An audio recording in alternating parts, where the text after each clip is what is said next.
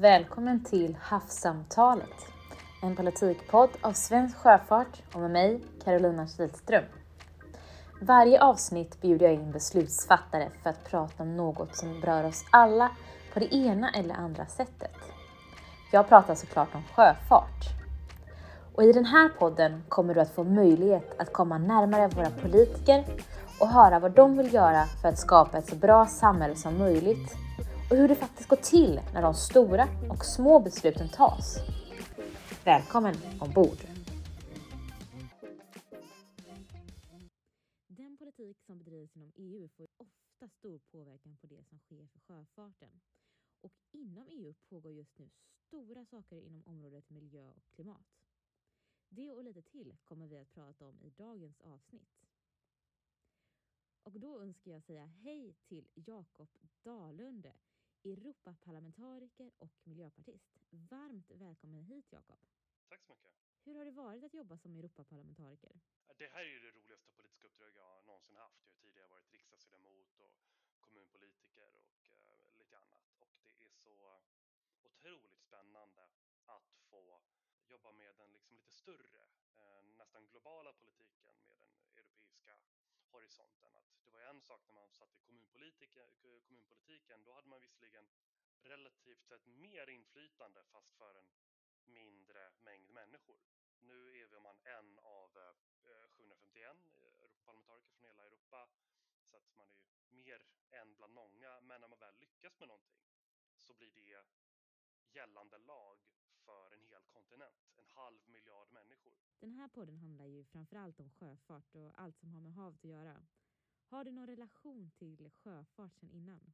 Jag, jag seglar en hel del. Eh, jag, jag började i, i scouterna på 90-talet eh, med optimistjolle och sen så har jag seglat igen med, med vänner i, i skärgården och sen så för några år sedan så var jag med i ett gäng som eh, kallas Segla till Almedalen där vi seglar fram och tillbaks till, eh, fram och tillbaks till Almedalen eh, var, varje sommar och sen så för ett par år sedan så eh, seglade jag över Atlanten till, till Martinique i Karibien och det var en väldigt häftig upplevelse.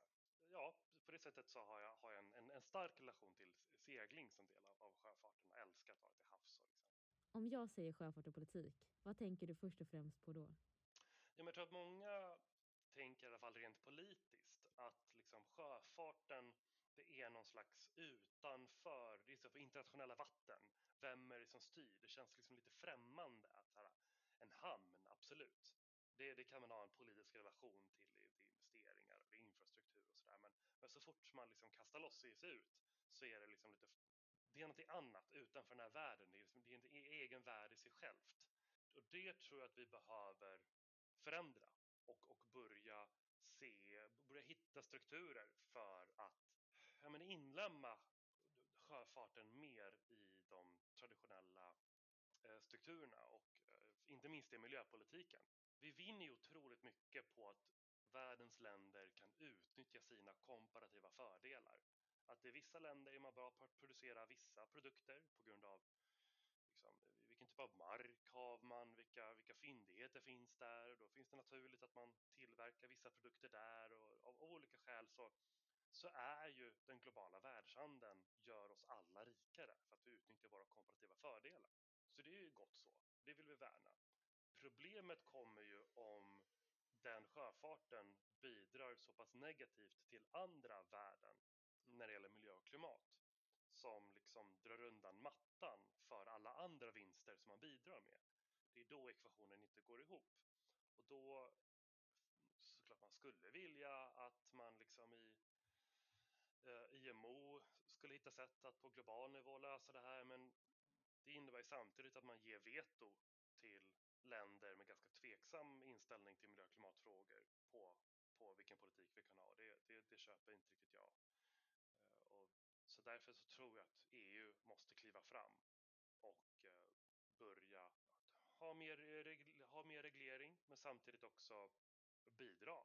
Alltså att när vi sätter ett pris på sjöfartens utsläpp, det blir också då intäkter som vi kan använda för att stödja forskning av, av nya bränslen. Jag har haft många möten med olika stakeholders i branschen som pratar om olika eh, teknik om vätgas och ammoniak och ah, olika spännande sätt. Det, känns ju att det är mycket förändring på väg i sjöfartsindustrin.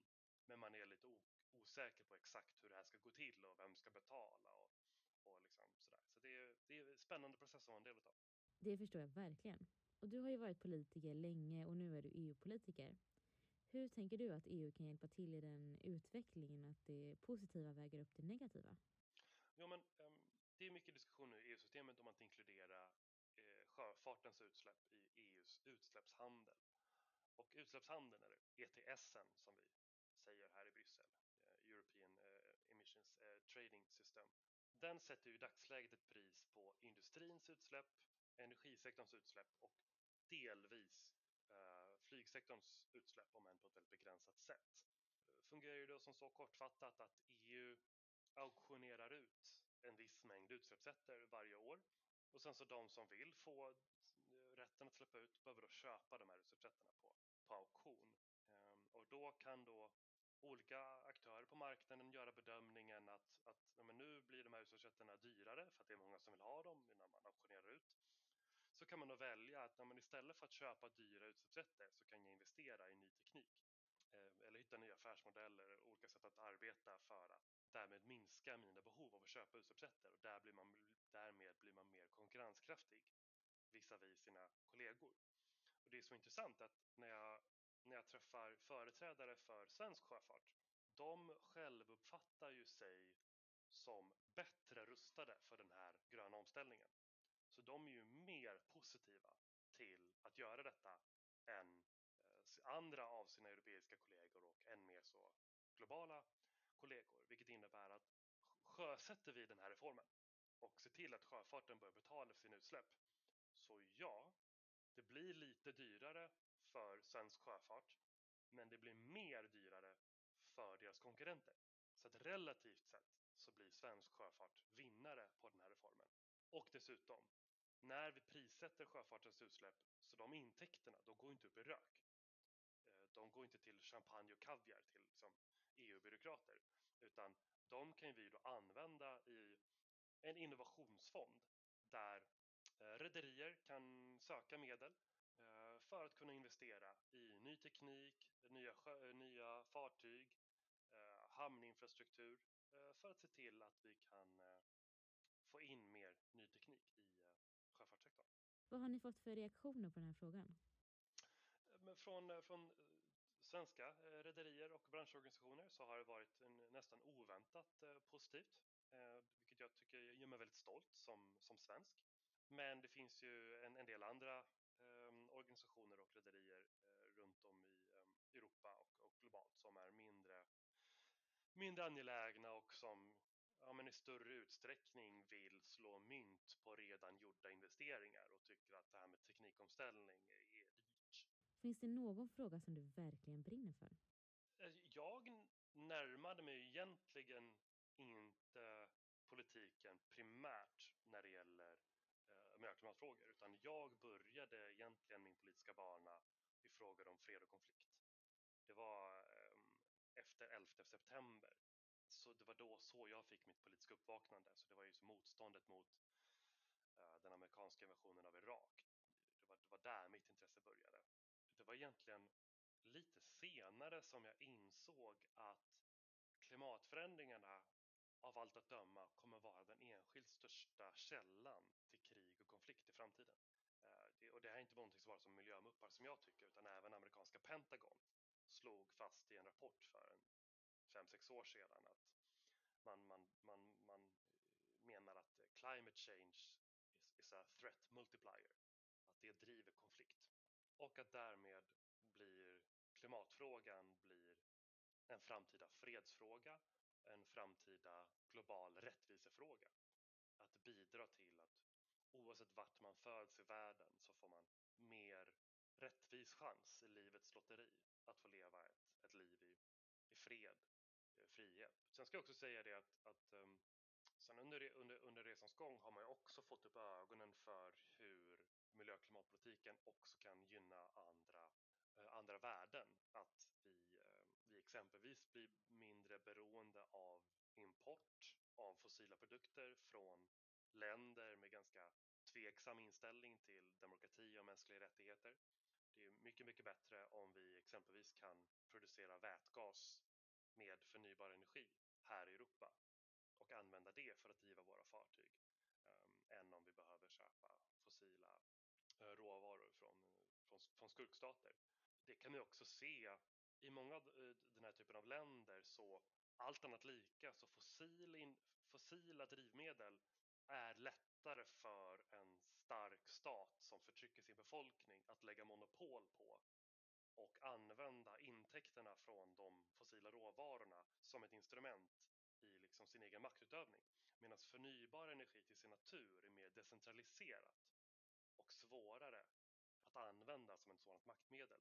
Så att, att gå från fossilt till förnybart kan låta abstrakt och, och lite liksom, eh, långt från den svenska verkligheten men jag har, jag har rest ganska mycket framförallt i Mellanöstern. Jag, jag, förra mandatperioden satt jag också i, i utrikesutskottet i Europaparlamentet och jobbat som valobservatör och, och eh, besökt Algeriet, Marocko, Tunisien, eh, Libanon, Jordanien, eh, Israel och Palestina i, i mitt arbete och man, man märker verkligen hur när, när det finns förutsättningar för en by eller ett, olika samhällen att smälla upp solceller på taken eller lite vindsnurror så ger det en självständighet och, eh, och, en, och en, möjlighet att, att till liksom empowerment skulle man nästan kunna säga. Eh, så det, det hakar liksom in i det. Det finns mycket som man kan uppnå med en, en bra miljö och klimatpolitik. Ja, spännande. Vad tycker du om EUs politik då? Ja, alltså vi gröna, vi är ju i, i än så länge i opposition i Europaparlamentet. Det är inte riktigt lika tydligt jag menar, i en kommun eller region eller riksdagen så är det mer tydligt om ett parti är i opposition eller, eller majoritet. Och är man i opposition så är man emot det mesta och är man i majoritet så, så är, man, är man för. Och när, jag, när jag satt i riksdagen då var det ju lite, det är ju så att man vaknar varje dag och tänker att nu ska jag gå och försvara vad regeringen, vad den än gör och, och eh, kritisera oppositionen vad de än säger. Nu överdriver jag lite grann här men det är en karikatyr, så är lite grann livet som riksdagsledamot. Men så blir man Europaparlamentariker och här finns det ju ingen given liksom, majoritet eller opposition utan här tittar man med, med färska ögon på varje sakfråga i varje ny process. om man lägger ändringsförslag, man förhandlar, man röstar och sen så när man, när man väl har processat klart en produkt och den kommer till avgörande i slutet så röstar man ja eller nej till slutprodukten beroende på dess inneboende kvaliteter inte vem annan som var för eller emot den. Och det, det är ju liksom lite mer intellektuellt spännande kan jag tycka. Det är en väldigt stor skillnad. Men, men förra mandatperioden exempelvis så var ju det politiska landskapet så i Europaparlamentet att jag var sällan särskilt nöjd med produkterna och röstade nej till ganska mycket för jag tyckte det var för dåligt. Och då viktigare att visa väljarna att det här håller inte. Det här löser inte de problemen som jag menar att vi står inför. Men den här mandatperioden så har ju min politiska grupp blivit starkare och intresset från andra politiska grupper att arbeta med våra frågor i ett perspektiv som är närmare vårt, det är mycket större. Så det har varit mycket lättare att få igenom bra politik den här mandatperioden än, än förra. Och, och det är ju en produkt av hur människor röstar. Man kan ju som väljare kanske tycka att när man röstar i Europaparlamentet så är det abstrakt och vad blir egentligen konsekvensen? Men mitt svar är att det är ju, stor skillnad i, i utfallet. Man har ändå möjlighet att påverka. Definitivt. Och jag, jag tror att många människor ser lite grann på EU nästan som FN. Alltså att man skickar dit någon företrädare som håller något tal och antar någon resolution men det är liksom hur mycket påverkar det egentligen? Och så var det ju lite innan Lissabonfördraget. Men Lissabonfördraget gör numera oss i Europaparlamentet till medlagstiftare i nästan alla sakfrågor. Vilket innebär att om inte vi ger okej okay, så blir det ingenting. Vilket ger oss en förhandlingstyngd att säga när vi förhandlar med EUs medlemsstater att vi kan bara gå med på det här paketet om vi får in de här, de här, de här förändringarna. Och jag har ju exempelvis förhandlat EUs forsknings och innovationspolitik, Horizon Europe jag skulle säga en av EUs viktigaste fonder. Många tänker ju att på EU så tänker man jordbruksfonden. Och ja, det är den största fonden. Men ganska strax därefter så kommer Horizon Europe som dels stödjer grundforskning som universiteten gör kring fysik och kemi och så vidare. Men också finansierar ny teknik. Eh, samarbeten mellan universitet och företag som har hittat något nytt, någon ny produktionsteknik, något nytt drivmedel, något nytt material som man vill testa och som har svårt att få ekonomisk bärkraft i här och nu när under rådande miljöpolitiska ramverk eh, så kan man få finansiering eh, av Horizon Europe och som har bidragit eh, oerhört mycket på en rad olika sektorer. Ehm, och jag ser fram emot mer att, att sjöfarten ska kunna få tillgång till de här fonderna för att finansiera grönt teknikskifte. Finns det några sjöfartspolitiska åtgärder som du tycker bör ske inom EU för att utvecklingen ska gå vidare och att vi ska få grön omställning? Ja, men vi har pratat dels om själva prissättningen. För att jag tror väldigt mycket på, på, på incitament och marknadsmässiga styrmedel. Att om det är någonting man vill bli av med, fossila drivmedel, ja, då ska man sätta ett pris på det, för då kommer det bli dyrare och då kommer de gröna alternativen bli relativt sett billigare och intäkterna kan användas för att finansiera omställningen. Det tror jag väldigt mycket på. Men jag tror också på att vi kommer behöva göra en hel del infrastruktursatsningar. Och det ska ju finansieras av, av EU och det gäller både själva hamnarna och eh, förutsättningarna att, eh, tanka eh, förnybara drivmedel. Men det vi också behöver är fler omlastningsstationer mellan sjöfart och järnväg. Eh, I dagsläget är det ett stort problem att det är mycket lättare generellt sett att eh, för ett företag om man ska transportera produkter att, att tänka att vi kör en del av sträckan först med lastbil, sen sjöfart och sen så lastbil. Och då har vi ju dels ett problem att merparten av alla lastbilar som kör på, på världens gator i dagsläget är fossildrivna. Men även om man skulle byta drivmedel för lastbilarna så är det fortfarande ett otroligt ineffektivt sätt att överföra energi mellan eh, gummit i hjulen och asfalten på vägarna. Att man förlorar väldigt mycket kinetisk energi i den överföringen. Och det är långt mer effektivt energimässigt att driva ett tåg för då är det järn mot järn och väldigt lite friktion. Men mycket av våra transporter måste vi köra sjöfart och järnväg snarare än sjöfart och lastbil och då behöver vi fler omlastningsstationer och det vill jag finansiera med EU-medel. Spännande, så smart som möjligt helt enkelt. Ja. Är det något du tycker att vi ska hålla utkik efter som är på gång inom EU som har med sjöfart att göra? Ja, men, um, det tror jag, alltså många i sjöfarten eh, tittar nu på LNG, Eh, liquid natural gas, och titta på det som, som eh, bra. Och ja, LNG kan ofta sänka utsläppen med 20-30% gentemot andra alternativ och det är ju såklart mycket bättre. Problemet är att nu har vi så pass kort tid kvar innan vi måste ha noll utsläpp. Så att om man, gör, om man lägger en beställning nu på LNG och så får man leverans några år senare och man investerar i att bygga en terminal och så, så kanske det där är klart om en 5-10 år. Då kommer man inte kunna använda den särskilt länge så det, risken blir att det blir så kallade stranded assets. Att man lägger ner miljoner eller till och med miljarder på sånt vi ändå inte kommer kunna använda särskilt länge. Så de här övergångslösningarna som LNG, som är bättre än alternativen men fortfarande inte hållbara, det är ett tankesätt som hade varit jättebra för 10-20 år sedan, när vi hade mer tid på oss. Men nu är det så pass kort tid kvar att, den, att de övergångslösningarna inte längre håller. Så där vill jag liksom höja ett varningens finger till sjöfartsindustrin att var försiktiga med hur mycket resurser ni plöjer ner i lösningar som man inte kommer kunna använda särskilt länge. För problemet är om vi satsar för mycket på övergångslösningar som visserligen är lite mindre dåligt men fortfarande inte hållbart. När vi väl kommer till den punkten att vi inte kan ha några utsläpp alls, då kan vi bara använda drakoniska åtgärder om att stoppa handeln, sjöfarten, volymmässigt. Och det vill ju ingen. Men det är där vi riskerar att hamna om vi i våra teknikval väljer lösningar som fortfarande har mycket utsläpp, även om det är mindre än alternativen. Och det, det här tankesättet tror jag att industrin behöver ganska snabbt fundera en hel del på. Ja, det är ju svårt.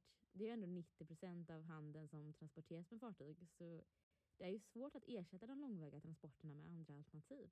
Absolut. Men, men det var ju någon, eh, eh, nu minns jag inte vem det var, men eh, det var någon, någon forskare eller filosof som liksom, kom på konceptet eller använder konceptet ehm, en arkimedisk punkt. Alltså, ge mig en fast punkt så ska jag förflytta världen. För har man bara en sak som är fast så är allt annat relativt och då får allting flyta ut från det. Och det är ju ändå så att det absolut viktigaste det är ju att mänskligheten ska kunna leva över tid. Jag tänker förutom ETS, finns det annat som EU-politiken kan göra eller som är på gång att göra för att bidra till sjöfartens klimatomställning? Ja, men det är att jag, jag tycker att vi borde använda mer av våra forskningsmedel och, och alltså forsknings och innovationsfonder till att gynna just grön omställning. Jag, jag nämnde ju tidigare att jag var med och förhandlade Horizon Europe och där är jag väldigt stolt över att jag lyckades öka öronmärkningen till gröna projekt till 35 procent. Hur lyckades du med det? Jag, jag, jag, jag var hårdnackad och eh, gav inte med mig eh, tills eh, de andra sa, sa ja och eh, jag lyckades eh, använda väldigt många goda exempel på där Forskningsfonden tidigare gynnat gröna satsningar dels inom, inom, inom flyget exempelvis eh, och att sjöfarten skulle kunna få, få, få, få liknande hjälp som, som, som flyget får. Och, ehm, och då till slut så fick jag igenom det, vilket innebär i storleksordningen 400 miljarder som kommer gå till grön teknik. Det är så oerhört mycket pengar. Ja, otroligt mycket pengar. Men jag, jag, även om jag är stolt över att det blev 35 procent, så är det en del av mig som tänker, Ja, fast egentligen hade det varit bäst med kanske till och med 50 procent. Vi kan inte satsa allt på klimatet, vi måste göra andra saker också. Men, men hade vi satsat mer så hade det blivit otroligt mycket lättare för rederier att våga satsa på, på, på vätgas exempelvis. För att man vet att det kommer finnas stöd till pilotprojekt, kostnadstäckning av infrastruktur och så vidare. Vilket kommer göra den här dynamiken som vi pratade om tidigare mycket lättare att hantera. Det är ju stora på grejer, grejer på gång och antagligen kommer någonting hända den 14 juli. Vill du berätta vad som händer då? Yes, Fit for 55. EUs ehm, nya klimatpolitik är att vi ska minska utsläppen med 55% till eh, 2030. Och det är då själva målen, men så måste vi ha massa verktyg för att vi ska ta oss dit. Och det här paketet med de olika lag, lagstiftningspaketen då eh, kallas då för Fit for 55, att vi ska vara redo för 55% utsläppsminskning till, eh, till 2030. Det paketet eh, kommer då kommissionen annonsera den 14 juli och eh, sen så kommer vi då parlamentet ta emot det här och sen så börja arbeta med att ta fram våra ändringsförslag och hur vi vill utveckla det här. Och då kommer jag då vara en av de politiker som blir ansvarig för att hantera just utsläppshandeln så jag kommer förhandla de här frågorna för den europeiska gröna gruppen. Finns det någonting redan nu som vi kan förvänta oss kommer stå i den här? Ja, men jag känner mig hyfsat säker på att, eh, att kommissionen kommer föreslå att inkludera sjöfarten och jag tror att vi, det kommer finnas majoritet i Europaparlamentet för att också eh, införa det. Jag är väl lite mer osäker på exakt hur man kommer utforma det här. Kommer man bara ha sjöfart mellan europeiska hamnar. Alltså om man kör någonting från Göteborg till, eh, till Normandie exempelvis. Det finns det säkert någon sjöfartsexpert som säger det. Vi kör inga gods däremellan. Så det får ni ta helt enkelt. Eller om man ska också ha sjöfart mellan europeiska hamnar och amerikanska hamnar exempelvis. Då finns det en del av dem som tycker att vi ska inte ge oss på det. Och det tror jag vore ett, eh, ett misstag eftersom att um, är väldigt viktigt att vi ser till att prissätta alla eh, utsläpp som är orsakade av eh, europeisk eh, konsumtion eller industri för att inte skapa negativa incitament. Så det, det, det är väl en, en sån stridsfråga om vi ska bara ha internt i Europa eller om vi ska ha mellan Europa och, och hela världen. Och, och där så vet jag att, att branschföreningen Svensk Sjöfart är ju för att inkludera till hela världen, vilket gör mig väldigt stolt att vara svensk. Att man är med och tar ansvar. Du har ju nu lärt känna många olika Europaparlamentariker och lärt dig mycket om vad som händer i olika länder. Är det något land som du tycker att vi bör lära oss av? Jo, men um, jag tycker att om, om jag ser till andra gröna rörelser så, så tycker jag att de tyska gröna har varit väldigt bra på att ha goda kontakter med industrin och branschen. För det är en sak att ha en politisk ambition, men om man inte har en god dialog med de som ska leva med de nya reglerna så finns ju risken att man implementerar det på ett sådant sätt som inte får de effekter man är ute efter. Det finns ibland en nidvilla att ja, men ni gröna, ni är emot utveckling, ni är emot industri, ni är emot handel, ni vill att vi ska gå tillbaka till liksom stenåldern. Och så är det liksom inte. Jag tror, jag är i grunden handelsvän. Jag tror att vi som mänsklighet blir rikare av att vi handlar med varandra och utnyttjar våra komparativa fördelar. Jag vill ha kvar världshandeln. Det vill jag försvara. Men det måste bli hållbart. Och då kan vi inte bara använda piskan, vi måste använda morötterna också. Dock är frågan, de här morötterna, industristöden, investeringsstöden, vem ska finansiera det? Och då vill jag vara tydlig att jag tycker inte att det ska finansieras från den allmänna skattesedeln. Att, att det är din och min lön som, som vi betalar skatt på eh, som skulle kunna gå till sjukvård eller skolan. Det är inte därifrån vi ska finansiera industristödet. Utan vi ska ha polluter pays principle. Det är den som orsakar problemet ska vara den som finansierar lösningen på problemet. Därför så, så menar jag att eh, sjöfart som använder fossila drivmedel som orsakar miljöförstöring, klimatförändringar, det ska vi sätta ett pris på. Då ska det i sin tur finansiera den gröna omställningen. Så de som släpper ut, de får betala helt enkelt? Exakt. Polluter pays principle är en god marknadsekonomisk princip. Finns det någon fråga som du undrar, varför har en journalist aldrig frågat mig om det här? Ja, men det mesta tyvärr, skulle jag säga. Och det här är ingenting jag vänder, som jag, det är ingen kritik som är riktad mot enskilda journalister. Men jag skulle säga att de flesta, flesta mediehus, oavsett public service eller, eller privat, de lägger inte så mycket eh, resurser på att bevaka vad som händer i EU-systemet. Det är en enorm kontrast mellan när jag var riksdagsledamot och Europaparlamentariker när jag satt i riksdagen och förhandlade försvarspolitiken, eh, Saudiavtalet och den nya försvarsomläggningen så det, det, det häckade ju journalister utanför försvarsdepartementet nästan varenda dag.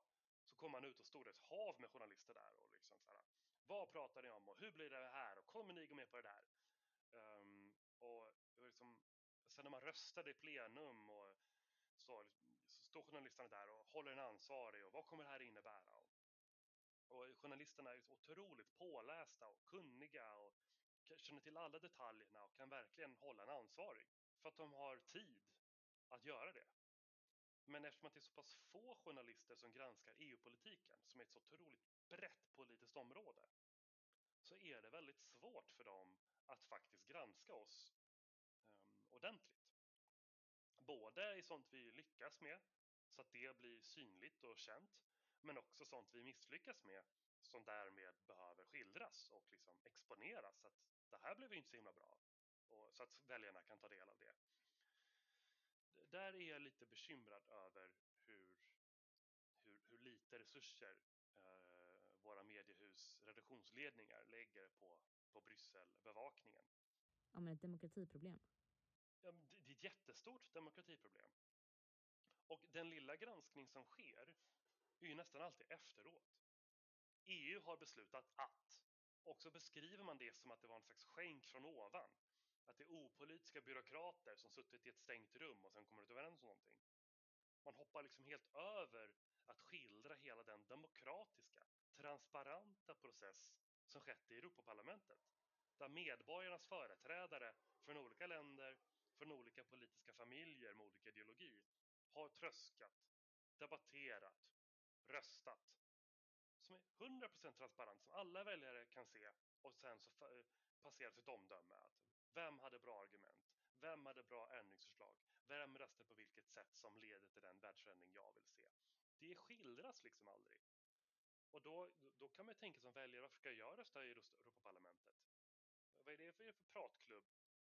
Tänker man kanske. Medan det i verkligheten är extremt viktig maktutövning. Om man som organisation eller företag eller person vill påverka någonting nu då? Hur tycker du att man ska gå tillväga? Jag har ju nästan aldrig sagt nej till en svensk företrädare.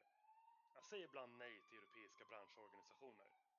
För att jag, jag, jag, jag, jag tycker ofta att de har så oerhört konservativ inställning eh, på europeisk nivå. Att det handlar bara om att försvara status quo eh, och motarbeta förändring till varje sätt. Medan ofta svenska, svenska företag är lite mer intresserade av att vara en del av förändringen. Så jag säger oerhört sällan nej till svenska företrädare som vill prata om att man är orolig för hur kommer det bli med taxonomin och, och vad kommer hända med utsläppshandeln. Jag tar nästan alltid sådana möten för att lyssna på farhågor, höra idéer och kunna resonera tillsammans. Problemet är väl dock att det finns en ovana i Sverige att man vänder sig till bara de svenska ledamöterna. När det inte alltid är svenska ledamöter. Det är ju ganska sällan en svensk ledamot eftersom vi är ett ganska litet land. Det är sällan en svensk ledamot är den som faktiskt är ansvarig för en viss lagstiftningsprocess. Och då måste svenska företrädare bli lite bättre på att inte bara uppvakta de svenska ledamöterna utan också ledamöter från andra länder. Ehm, så där, där, där, kan vi bli bättre. Är det någonting annat som du skulle vilja skicka med eller hälsa till våra lyssnare? Det är verkligen att Sverige har enormt goda förutsättningar att bli vinnare i den gröna omställningen. Vi har en medveten befolkning som är redo att betala lite premium för att en, en vara är transporterad på ett hållbart sätt. Man är redo att ta den kostnaden. Det finns, vi har mycket ingenjörer som vill vara en del av den gröna omställningen. Vi har eh, högt politiskt medvetande, vi har bra regulatoriskt ramverk, vi har goda forskningsinstitutioner, vi har företag som eh, vill ligga i framkant, vi har ett globalt varumärke där det är lätt att som svenskt varumärke slå in på det globalt för att man kopplar samman svenskt med hållbarhet. Så det finns en sån enorm potential för, för Sverige att vara vinnare i den gröna omställningen. Men då gäller det att vi omfamnar den så fort det bara eh, eh, går, driver på omställningen politiskt och sen så ligga först i kurvan. Eh, då kommer vi dels få en mer hållbar värld att lämna över till våra barn och barnbarn. Men vi kommer också bli ett rikare och bättre samhälle på kuppen. Då säger jag stort tack Jakob Dalunde för att du var med i samtalet. Tack så mycket.